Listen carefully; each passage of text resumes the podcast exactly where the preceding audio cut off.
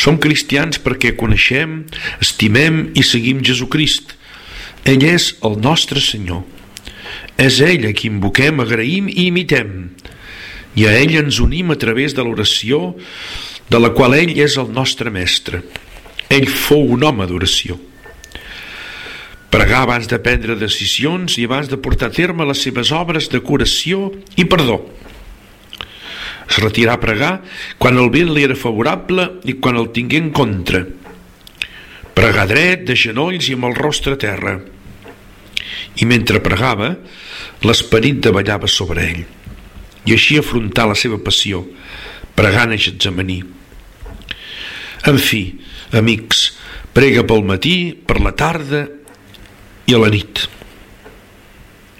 Com els deixebles, al començar aquest curs també nosaltres diem Senyor, ensenya'ns a pregar.